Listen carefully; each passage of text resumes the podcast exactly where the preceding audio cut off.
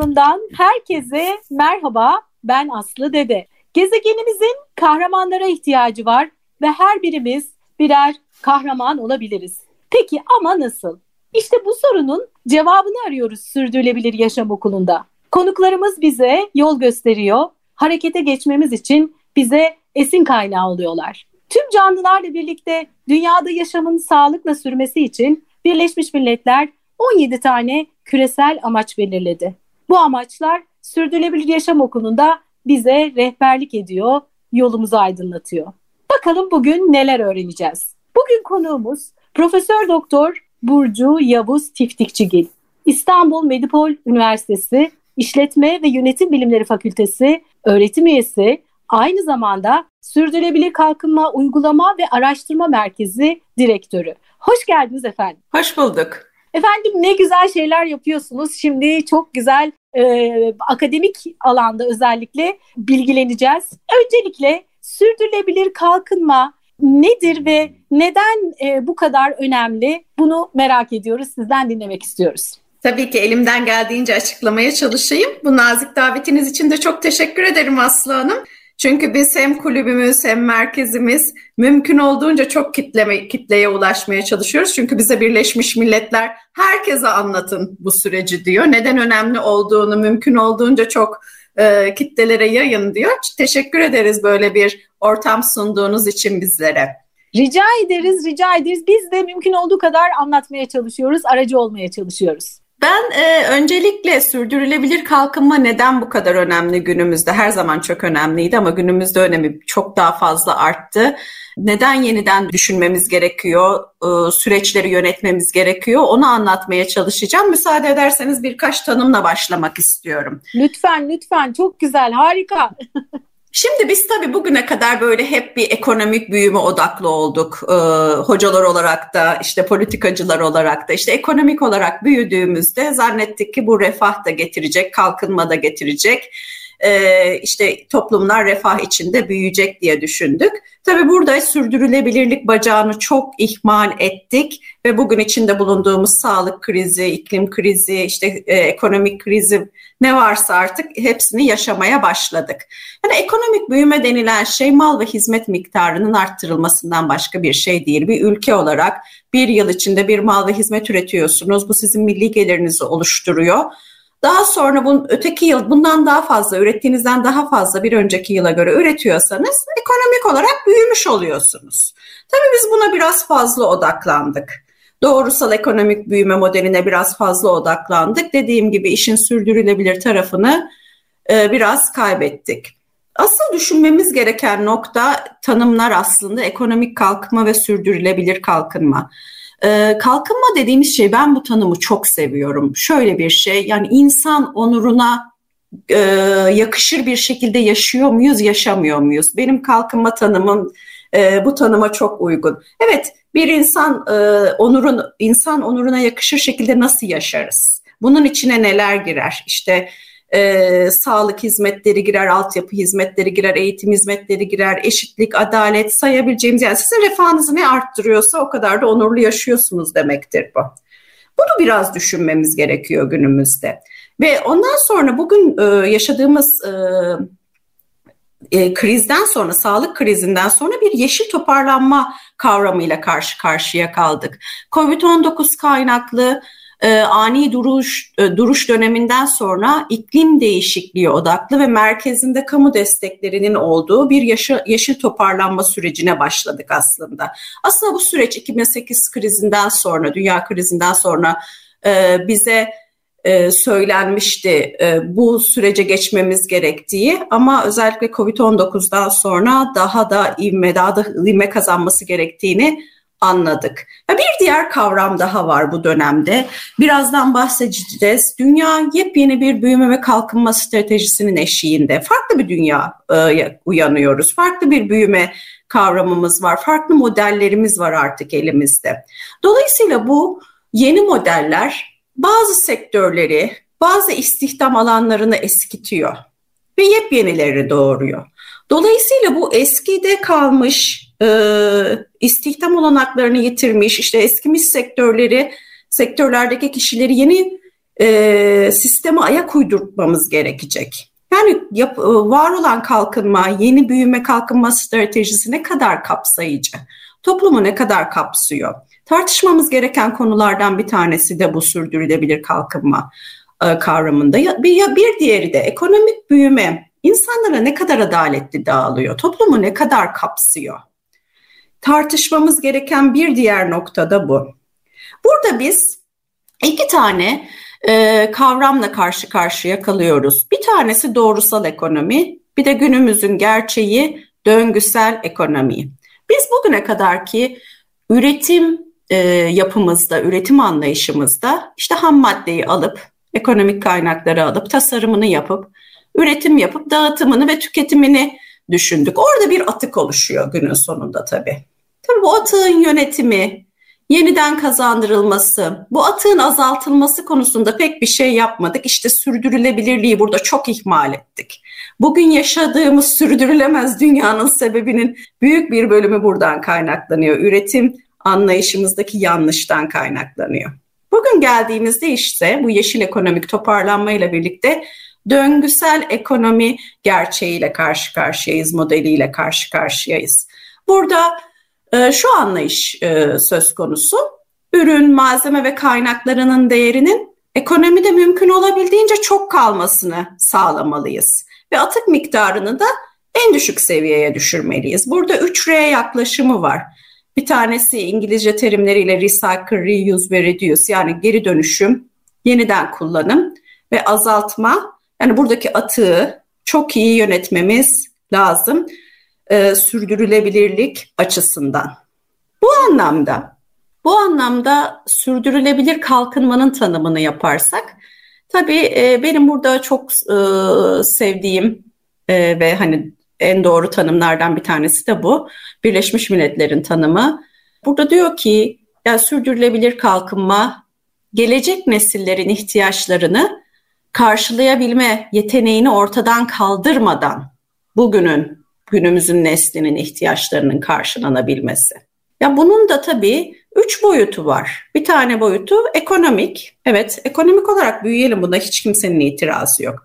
Ama diğer boyutları ihmal etmeden büyümek esas artık günümüzde. Diğer iki boyut ne peki? Biri çevresel boyutu, sürdürülebilir kalkınmanın bir çevresel boyutu var. Bir de sosyal bir boyutu var. Kimseyi geride bırakmamamız gerekiyor büyürken kapsayıcı olmamız gerekiyor, adil olmamız gerekiyor.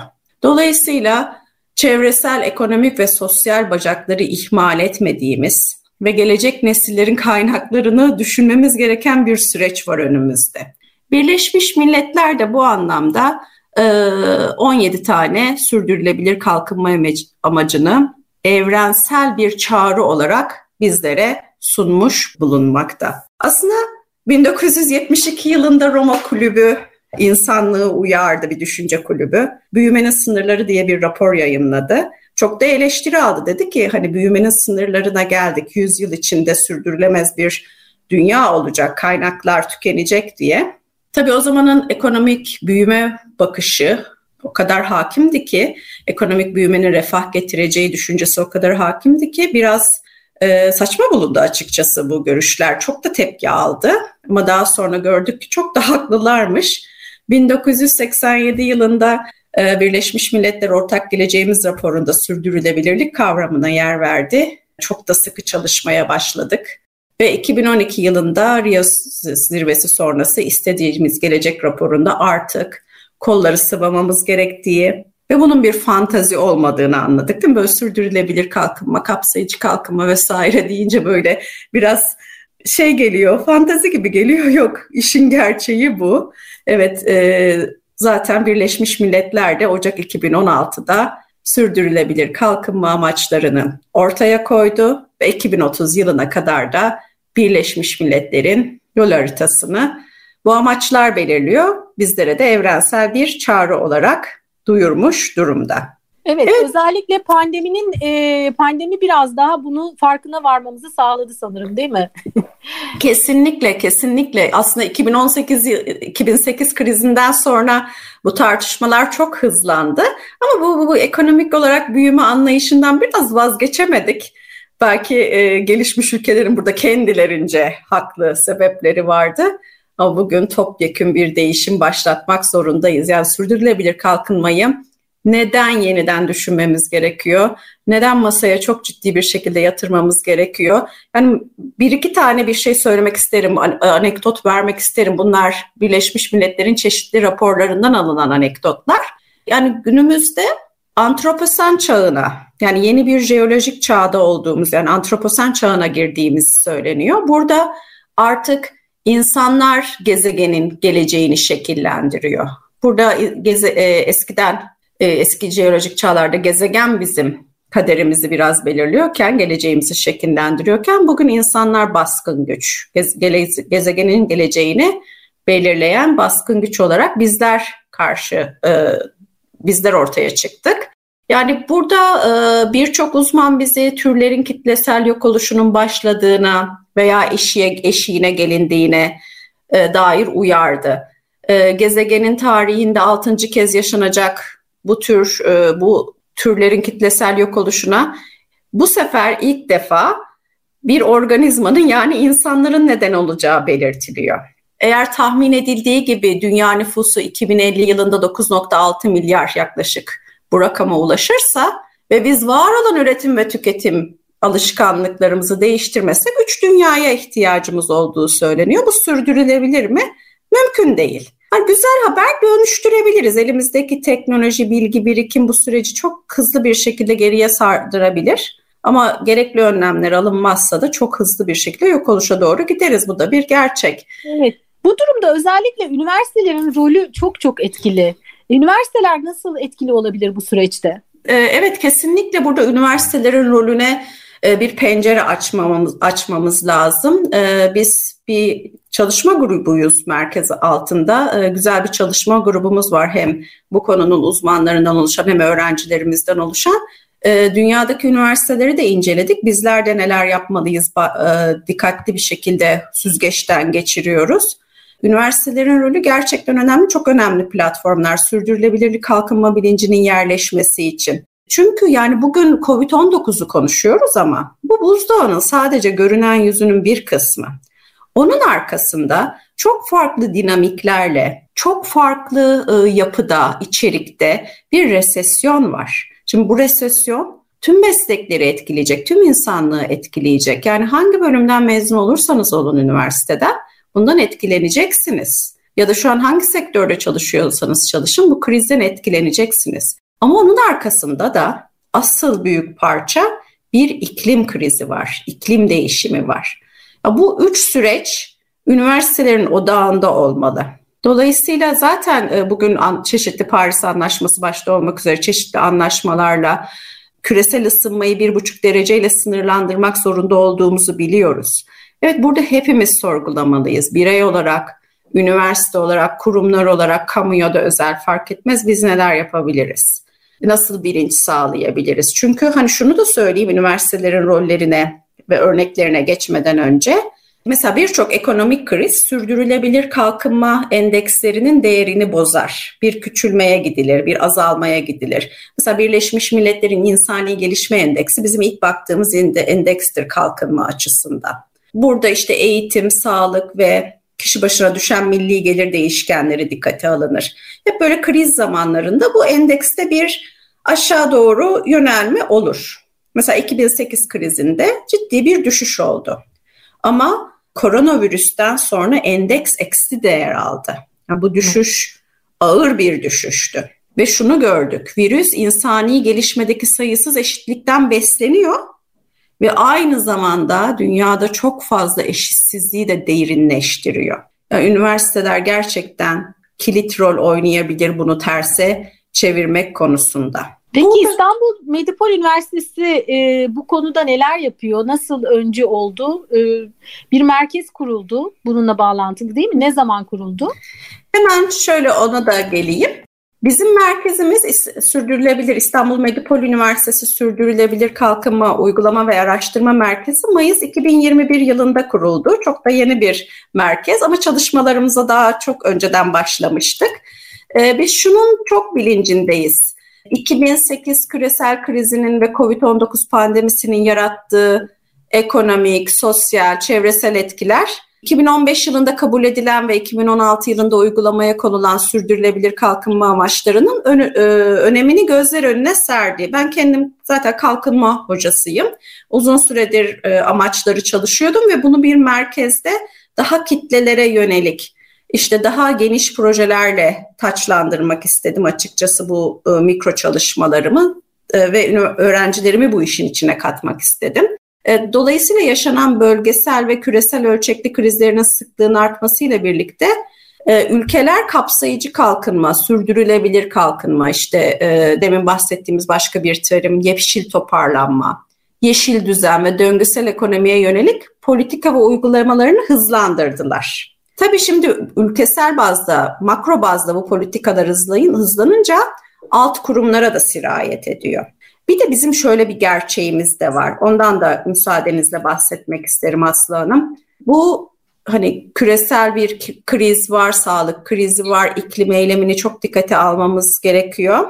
Çok önemli bir dönüşüm var bizim yanı başımızda hemen Avrupa Birliği'nde. Avrupa Birliği tüm bu süreci ekonomik politikalarıyla, sosyal politikalarıyla yönetmeye başladı. Aralık 2019'da Avrupa Yeşil Mutabakatı'nı açıkladı. Ve e, dedi ki ya ben 2050 yılına kadar iklim nötr bir kıta olacağım. E, biz genellikle şöyle düşünüyoruz, yani şöyle bir modellememiz vardı bugüne kadar. Ekonomik büyüme artarsa işte karbon emisyonu, sarı gazı emisyonu artar. Bunu kırmamız gerekiyor. Hani bu aradaki bağlantıyı pozitif ilişkiyi kırmamız gerekiyor ki sürdürülebilir bir dünyaya kavuşabilelim. Sosyal ve çevresel ayağını da e, yok etmeyelim. Dikkate alalım en azından.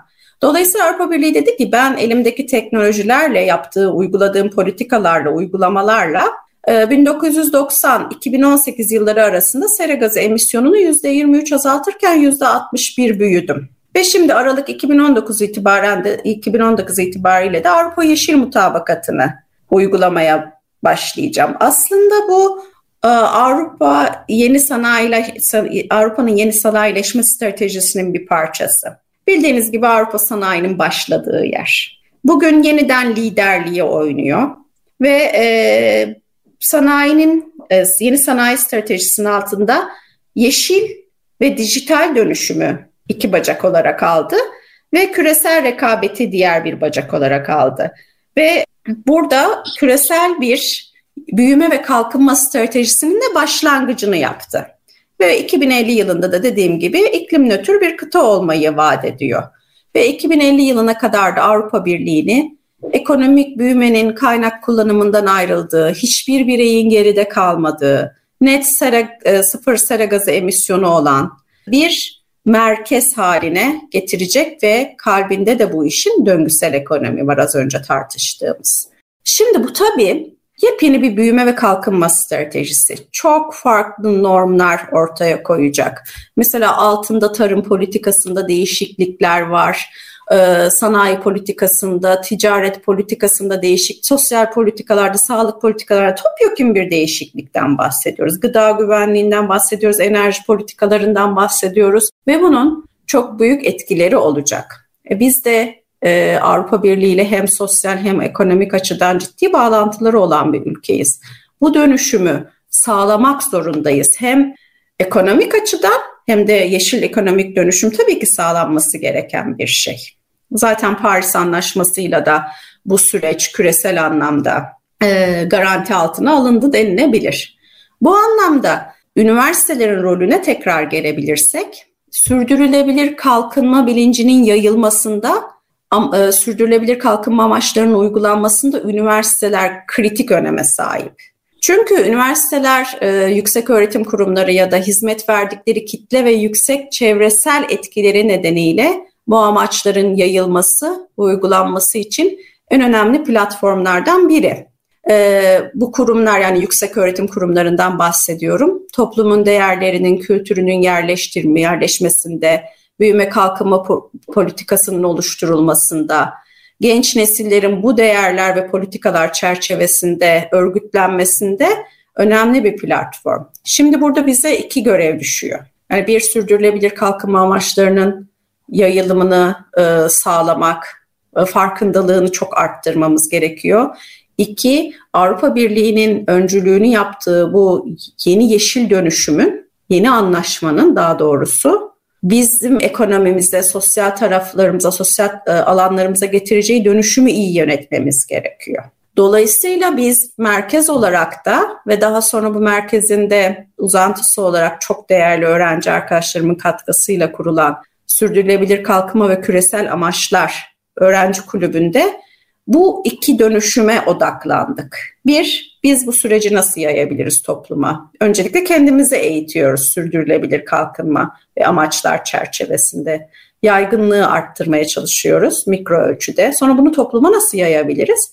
Bir de bu yeni büyüme ve kalkınma stratejisi hele ki çok yanımızda başlamış, uygulaması başlamış stratejinin bizim bütün sektörlere etkisi olacak. Ne olacak? Yani bir çevre mühendisliğinde okuyan öğrencinin de bunu bilmesi gerekiyor. Uluslararası ticaret ve finans öğrencisinin de, bilişimde okuyan öğrencinin de bunu, tıptaki öğrencinin de bilmesi gerekiyor. Hepimizi etkileyecek bir süreçten bahsediyoruz.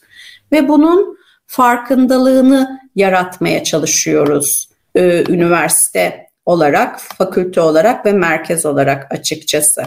Peki kulüp ne zaman kuruldu e, Burcu Hanım? Evet bu kulübümüz e, merkezin kurulmasından sonra dediğim gibi çok ilgili arkadaşlar var, çok ilgili öğrenci arkadaşlar var. Valla geleceğe karşı insanın güveni çok artıyor. Onlara ben böyle bir teklifte bulundum. Ee, arkadaşlar hani böyle böyle bir durum var. Sizler de bu konuyla çok ilgileniyorsunuz. Gelin bunu ciddi bir platform altında yapalım. 2-3 ay sonra da dosyalarını hemen sundular e, ve çok çabuk da yanıt aldık kulübün kurulması için. Çok da güzel çalışmalar yapıyorlar. Peki neler yapıyorlar ya da ve de neler yapmayı planlıyorlar? Evet, e, biz tabii biraz merkez ve kulüp entegre çalışıyoruz. Birbirimizi destekliyoruz. Yani e, şey birbirimizin uydusu gibiyiz aslında.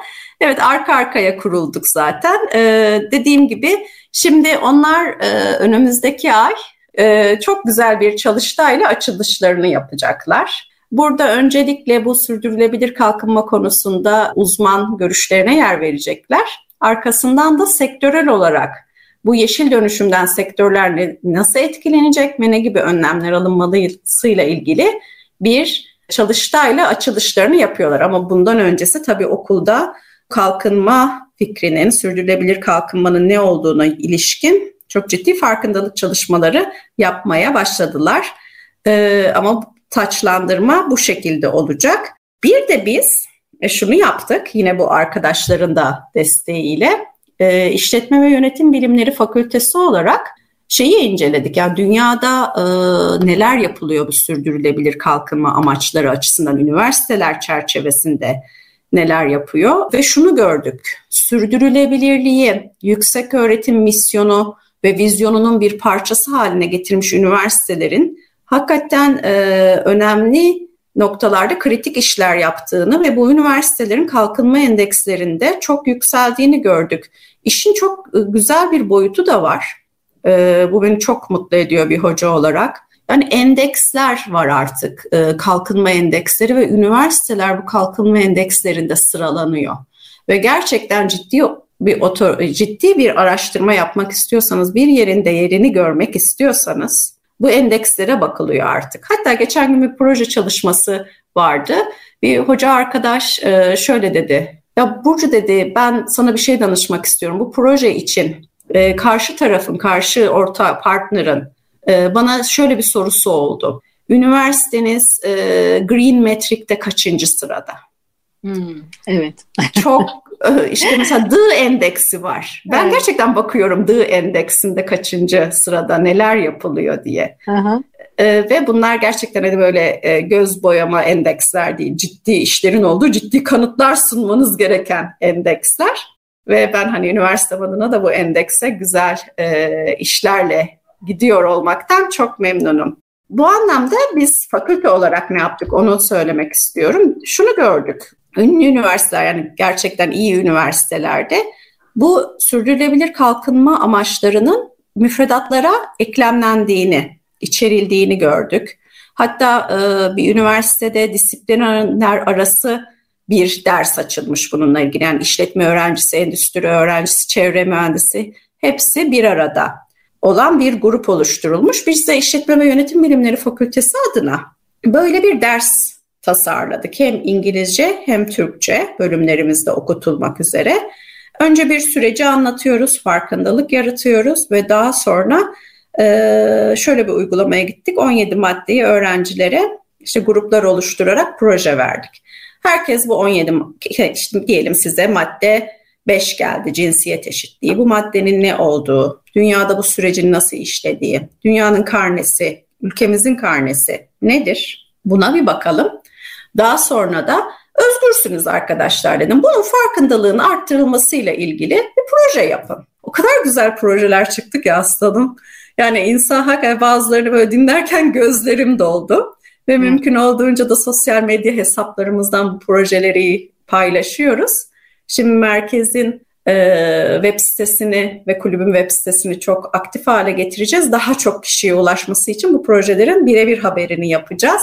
E, biz bu dersin öncülüğünü yaptık. Bu da benim çok gurur duyduğum bir e, alan oldu. Ve daha sonra bu İnsan ve Toplum Bilimleri Fakültesine e, bu dersi açtık. Umarım bütün üniversiteye de yayacağız. Tüm üniversiteleri de davet ediyorum açıkçası. Katılmak isteyen öğrenciler olursa memnuniyetle derslerimize, çalıştaylarımıza, etkinliklerimize gelebilirler. Çok çok merak ediyorum. Hem e, bu etkinliklere katılmayı çok isterim. Aynı zamanda öğrencilerin e, yaratmış olduğu e, projeleri de gerçekten çok merak ediyorum. Çok çok güzel şeyler yapmışsınız. Harika, ne kadar güzel. Ben şunu merak ediyorum bir de. E, şimdi bütün bölümleri ilgilendiriyor aslında bu konu dediniz. Tabii bütünsel bak, e, yaklaşmak gerekiyor. Ama kulüpte şu anda daha çok hangi bölümlerden öğrenciler var? Tahmin ediyorum sizin bölümünüzden ağırlıklıdır diye. evet, işletme ve yönetim bilimleri fakültesinin bir e, ağırlığı var tabii. Ee, ama e, sağlıktan çok ciddi desteğimiz var. Sağlık fakültesinden, hukuktan arkadaşlarımız var. En son listeye bakmadım ama böyle güzel bir Karma Oluyor Meslek Yüksek Okulu'ndan destek aldık yavaş yavaş işte bu çalıştaylarla kendilerini tanıtacaklar. Şunu da söylemeyi unuttum. Ee, burada yapılan projeleri teknoloji transfer ofisimiz üzerinden bir ulusal projeye de uluslararası projeye döndürmeye çalışıyoruz. Hatta bir ulusal proje yazıldı. Bir uluslararası proje, gençlik projesi ne de başvurumuz yapıldı. Erasmus kapsamında umarım kazanacaklar. Çok güzel çünkü çalıştılar orada. İçerik de çok iyi ve hani birçok ülkeyi karşılıklı işte anlaştığımız üniversitelerle ziyaret etme ve projelerini paylaşma imkanı bulacaklar. Güzel bir haber daha vereyim mi? evet lütfen harika. Kulüp e, ben e, bu sürdürülebilir kalkınma amaçlarından iklim eylemi üzerine bu yaz bir summer school, yaz okulu gibi bir e, uygulamaya gideceğim. E, dünyaca ünlü bir öğrenci organizasyonuyla ortaklık yapacağız umarım. Yaptık. İşte çalışmaları başladık. Kulübümüz de bunun akademik sürecini yönetecek 6 hafta dünyanın çeşitli ülkelerinden gelen üniversite öğrencileri ve benim üniversitemin kulübü öğrencileri ve bu projeye katılmak isteyen diğer öğrenciler hep birlikte olacağız.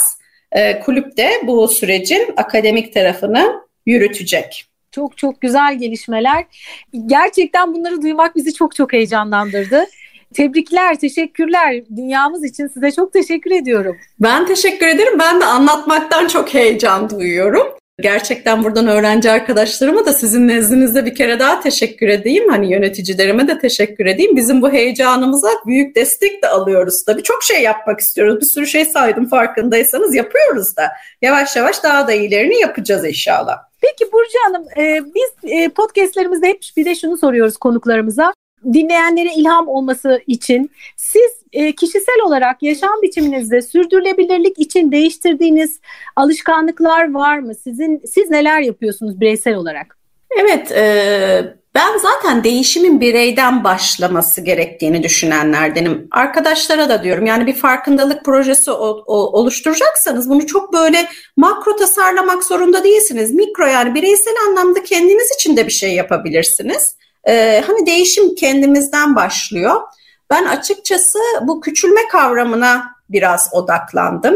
Bu kadar tüketmek zorunda mıyız diye bu sorguyu hani çeşitli okuduğum kitaplar, kaynaklardan sonra kendime sordum Ve mümkün olduğunca hakikaten bireysel anlamda gereksiz hiçbir şey tüketmiyorum. Alışveriş listemi 2-3 kere gö- gözden geçiriyorum. Daha dayanıklı ürünler kullanmaya çalışıyorum. Ve şunu soruyorum kendime bireysel anlamda. Ya bunu alıyorsun ama gerekli mi? Ve inanın ciddi bir tasarruf yaptım.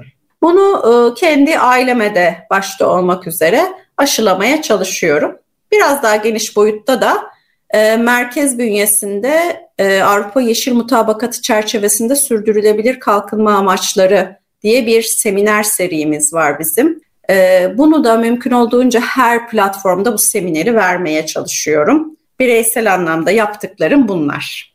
Peki son olarak da size şunu sormak istiyorum. Bir akademisyen olarak sürdürülebilir yaşam kültürünün oluşması için e, neler öneriyorsunuz? Toplumsal olarak da baktığımız zaman bizi dinleyenlere isim kaynağı olsun. Nasıl oluşturabiliriz sürdürülebilir yaşam kültürünü? Nasıl bir değişim yapabiliriz? Ya ben her derste öğrencilere şunu söylüyorum. Hem açılışta hem kapanışta hangi ders olursa olsun. Az önce dediğim gibi hani kalkınmanın tanımı benim dedim ya çok hoşuma giden bir tanımı var. İnsan onuruna yakışır şekilde yaşamak. Ya bu bilincin oluşması için önce insanın kendine şunu sorması lazım. Ben nasıl onurlu bir şekilde yaşayabilirim? Hani bunu mikro boyutta, bireysel boyutta kendi hayatımda, iş hayatımda, okul hayatımda neyse artık ne kadar e, platformda bulunuyorsak bunu nasıl sürdürebilirim? Önce bu soruyu sormamız gerekiyor.